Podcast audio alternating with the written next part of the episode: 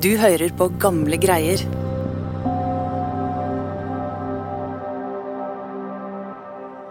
I mange måneder har livredde foreldre fryktet at en farlig kidnapper har gått løs i Oslo etter at en sju år gammel jente har forsvunnet sporløst. Men i mai 1937 kan folk endelig puste lettet ut.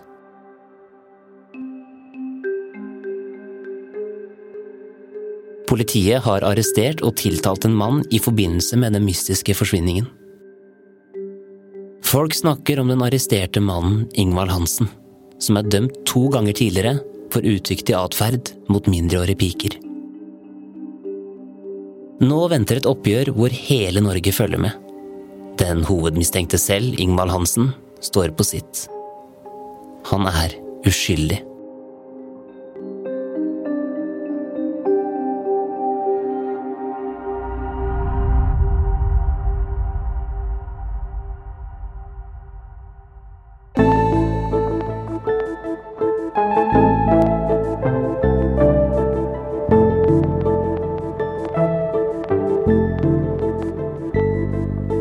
Du hører på Gamle greier, en podkast fra Nasjonalbiblioteket. Jeg heter Lars Hamren Risberg. Dette er andre og siste del av Hvem drepte lille Mari Olsen? Det er Chris Nyborg, lokalhistoriker på Nasjonalbiblioteket, som forteller historien. Han tar oss tilbake i tid, til januar 1938.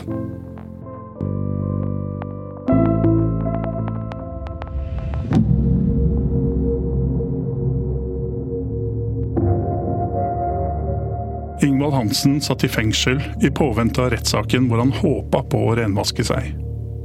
Han visste at han i manges øyne var Norges mest forhatte mann.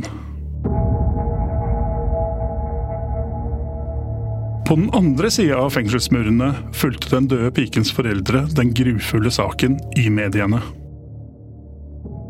Mari Olsens foreldre kunne bare håpe å få den tiltalte dømt for å få en slags rettferdighet etter det uerstattelige tapet av deres sju år gamle datter.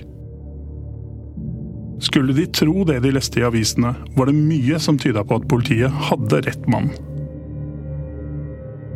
Og snart kom et nytt gjennombrudd i saken.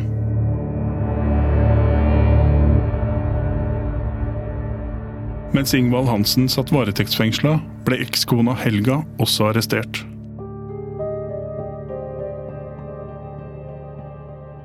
Politiet hadde ikke konkrete bevis for at hun var involvert i forsvinningssaken, men de hadde noe annet de kunne ta henne på. Nemlig den lyssky forretningen hun drev i Vika. Hun påstod å kunne kurere bl.a. kreft med urteblandinger. Det var ulovlig å behandle med disse metodene. Helga ble sikta for kvakksalveri og måtte møte i retten.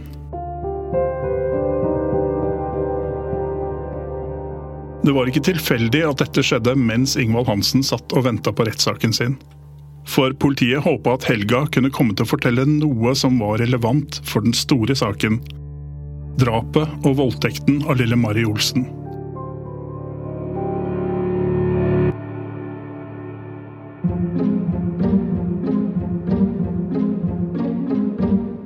Men da ekskona Helga Vesla Hansen forklarte seg, virka hun mest interessert i å reklamere for sine synske evner. Hun la ut om hvordan hun hadde hatt syner om hva som hadde skjedd med lille Mari, og at rettssaken hadde bevist hennes synske evner. Men det neste hun sa, fikk folk til å sperre opp øynene. For Helga hadde nemlig hatt enda et syn. Hun hadde sett en skikkelse på gata en skikkelse som røyka pipe og venta på en lita pike. En pike ved navn Mari.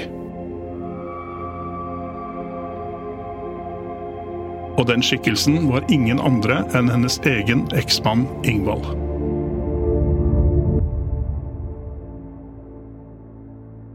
Ingvald Hansens ekskone hadde altså stilt ham i et svært dårlig lys, som ikke akkurat gjorde saken lettere for hans forsvarer. Interessen for saken var så stor at avisen i mange måneder før rettssaken hadde gjort egne undersøkelser. Dagbladet 29. mai 1937 Unormalt seksualliv. Tilbøyelig til å antaste barn. Enhver kan tenke seg skrekken en slik mann er i stand til å spre omkring seg. Avisene hamra løs på Ingvalds karakter, noe som gjorde at han i manges øyne allerede før rettssaken framsto som svært tvilsom. Politiet har mer enn én en gang reist siktelse mot ham. Hansen har gang på gang tilsnakket unge og små piker på en høyst ufyselig måte på gaten, og hans seksualliv later til å være nokså unormalt. Dagen kom, og Ingvald Hansen ble ført inn i rettssalen.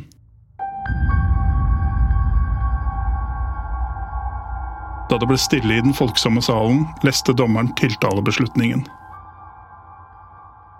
Ingvald Hansen var sikta for drapet på sju år gamle Mari Olsen.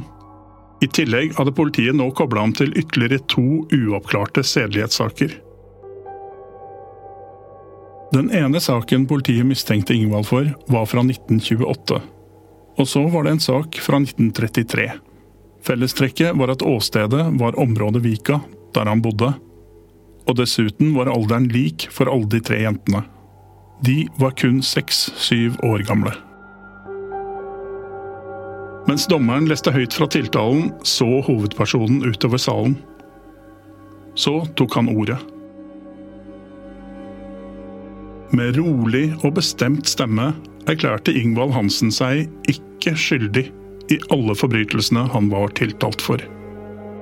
Og med det var rettssaken for alvor i gang.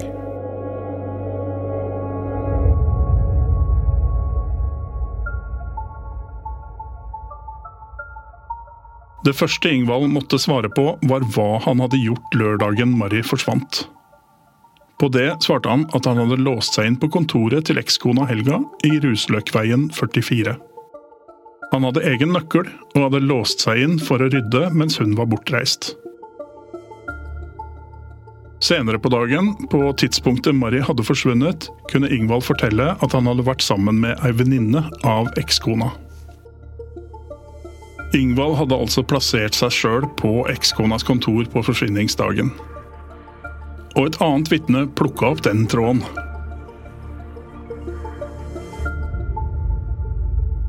Rettskjemiker Charles Bruff, som ble beskrevet som Norges Sherlock Holmes, hadde på oppdrag fra politiet undersøkt en sofa som sto på Helga Vesle Hansens kontor. En av politiets hypoteser var at dette kontoret var sentralt i Maris forsvinning og voldtekt. Det lå nemlig i samme bygård som tobakksforretningen hvor lille Mari sist hadde blitt sett, før hun forsvant sporløst. Rettskjemikeren begynte forklaringen sin, og det ble stille i lokalet.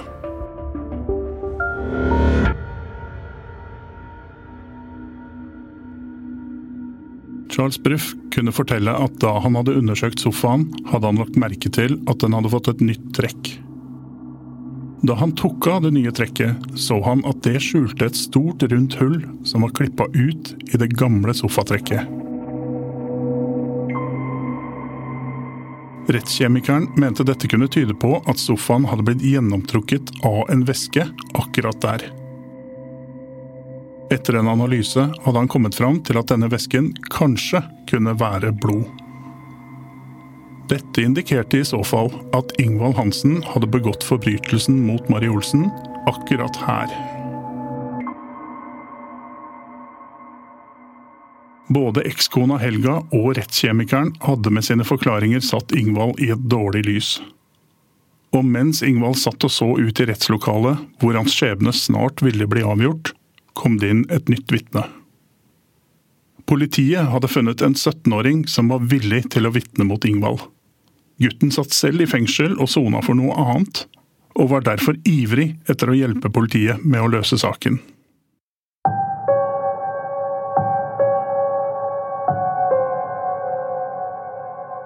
Syttenåringen satte seg i vitneboksen og fortalte at han ble stoppa av en mann på gata kvelden den 9. januar, samme dag Mari hadde forsvunnet.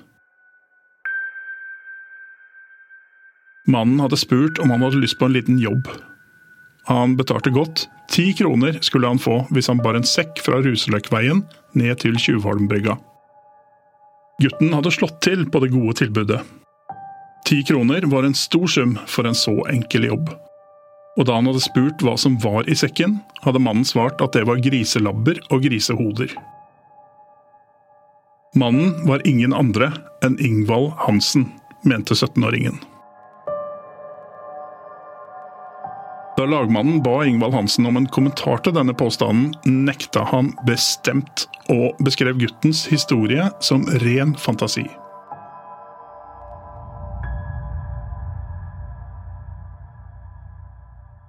Dagene i retten gikk, og Ingvalds forsvarer kjempa en stadig mer desperat kamp for å redde klienten sin. Men om det så mørkt ut i retten, var det ikke bedre i avisene. Nasjonen 4.2.1938. Sofaen er det tause bevis. Hansen og ingen annen er den skyldige, hevder statsadvokaten. Dette var nedslående for Ingvald og hans forsvarer, som skrev et krast innlegg som kom på trykk i Morgenbladet fredag 4. februar. Forsvareren hadde kjent på lynsjestemningen blant folk, og var veldig bekymra for klientens rettssikkerhet. Opinionen er i kok mot denne mannen, i den grad at selv jeg, hans forsvarer, er blitt sjikanert på åpen gate fordi jeg har påtatt meg å føre hans sak. Jeg er redd for at selv lagretten som skal dømme, står i fare for å bli preget av denne opinionen. Det må ikke skje. Lagretten må dømme rolig og riktig. Det er vanskelig, ja, umulig, å tegne noe vakkert bilde av tiltalte. Han er en tyv, en råtamp og en sleivkjeft. Men er han en morder?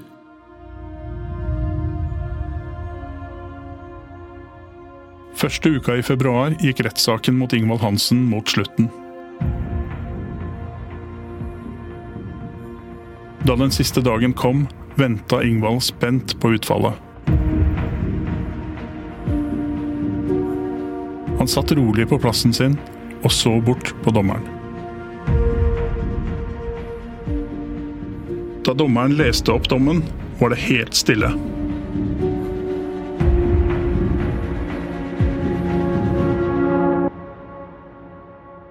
Morgenavisen 5.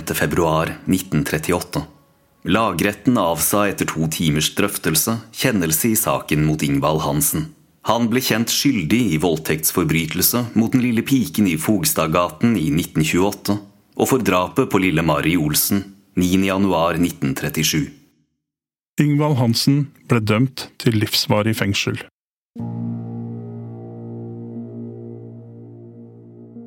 Han ble også funnet skyldig i sedelighetssaken fra 1928, men i saken fra 1933 ble han funnet ikke skyldig.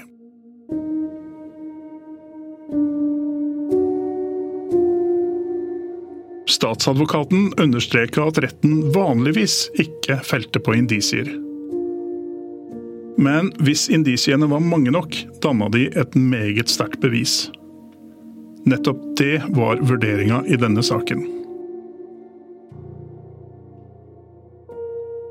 Ingvald Hansens lange rulleblad og sedelighetssakene han hadde vært involvert i, ble trukket fram. Han hadde dessuten ikke et troverdig alibi for dagen Mari hadde forsvunnet, mente statsadvokaten. På toppen av dette trakk han fram sofaen og vitnemålet til 17-åringen. Ingvald Hansen var skyldig.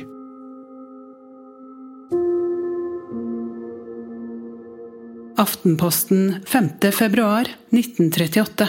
Den ytterst nervepirrende og uhyggelige lagmannsrettssak mot Ingvald Hansen ble avsluttet i går ettermiddag på en så effektfull måte at vi ikke kan erindre å ha opplevd noe tilsvarende.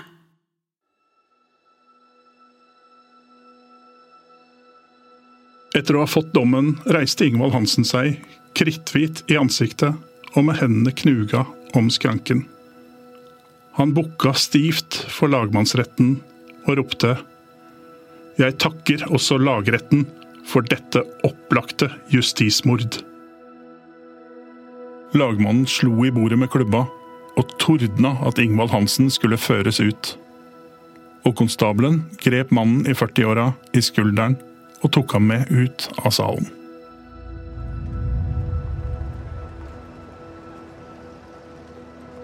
Ingvald Hansen ble ført ut av tinghuset og mot en ventende bil.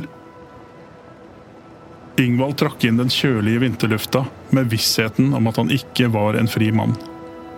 Nå venta mange år i en mørk fengselscelle. Konstablene geleida ham til bilen. Bildøra smalt igjen. Motoren starta, og ferden mot kretsfengselet starta.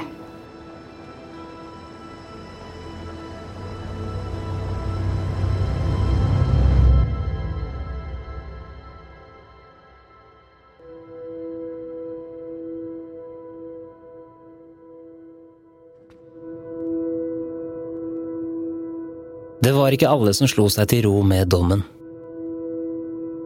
Like etter rettssaken begynte flere journalister å stille kritiske spørsmål. Kunne Ingvald Hansen ha blitt utsatt for et justismord?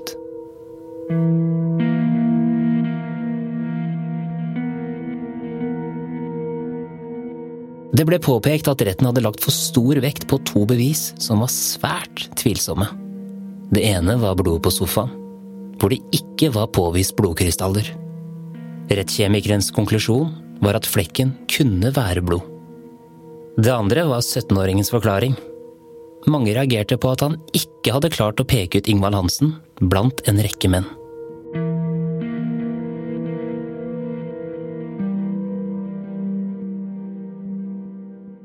Kritikerne av dommen mente det var hårreisende at Ingvald Hansen var utelukkende dømt på indisier. Det ble også fremhevet at til tross for Hansens lange rulleblad, var han ikke tidligere dømt for vold. Ingvald Hansen søkte om å bli benådet, men søknaden ble avslått. Etter krigen gikk en jurist gjennom rettsdokumentene, men under gjennomgangen forsvant papirene sporløst fra hennes kontor.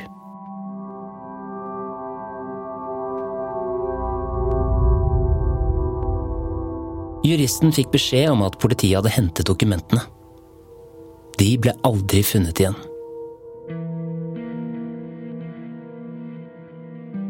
En av juristenes overordnede satt på merkverdig informasjon som han fortalte henne. I 1950 hadde politiet blitt kontaktet av en kvinne som hevdet at hun visste hvem som sto bak forbrytelsen mot Mari Olsen. Det var hennes egen sønn. Januarnatten 1937, da sjuåringen hadde forsvunnet, hadde sønnen kommet hjem dekket av blod.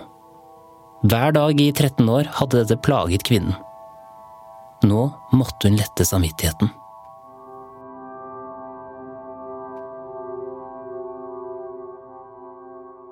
Hva politiet gjorde med denne informasjonen, er uvisst. Men senere på året, etter tolv år i fengsel, ble Ingvald Hansen benådet. Til tross for at Ingvald var fri, heftet dommen fortsatt ved han på papiret. Benådningen endret ikke skyldspørsmålet.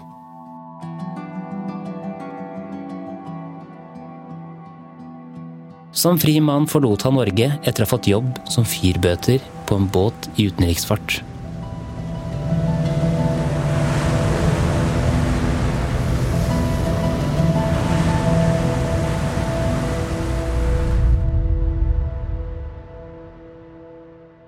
Men etter bare to år til sjøs døde Ingvald Hansen.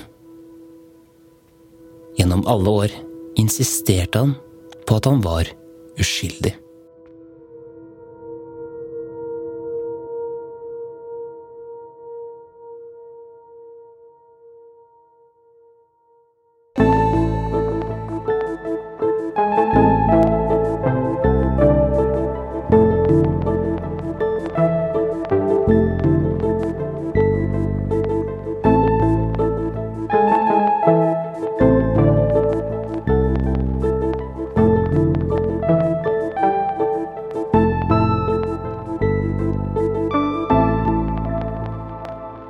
Du har hørt siste episode av Hvem drepte lille Mari Olsen? Denne episoden er laget av Dang Trind, Chris Nyborg, Ina Charlotte Fjellhøy, Live Fele Nilsen og meg, Lars Hamren Risberg. Noen av sitatene i denne historien er forkortet og modernisert. De er lest av Egil Johansen, Anne Lise Lommerud, Kristoffer Haag Maure, Preben Olram og Peder Ropstad. Kilder til episoden var avisartikler fra Nasjonalbibliotekets avisarkiv i perioden januar 1937 til februar 1938. Bøkene Mordet på Lille Mari, En sann historie om klarsyn, sedelighetsforbrytere og et drap i det gamle Pipervika av Bernt Rugtvedt. Fra vekterstuen til Møllergaten 19 av Redvald Larsen. De tause vitner, rettskjemiker Charles Bruffs memoarer av Charles Bruff. Musikken du har hørt i denne episoden er fra Epidemic Sound og Therese Aune. Mitt navn er Lars Hamren Risberg. På gjenhør.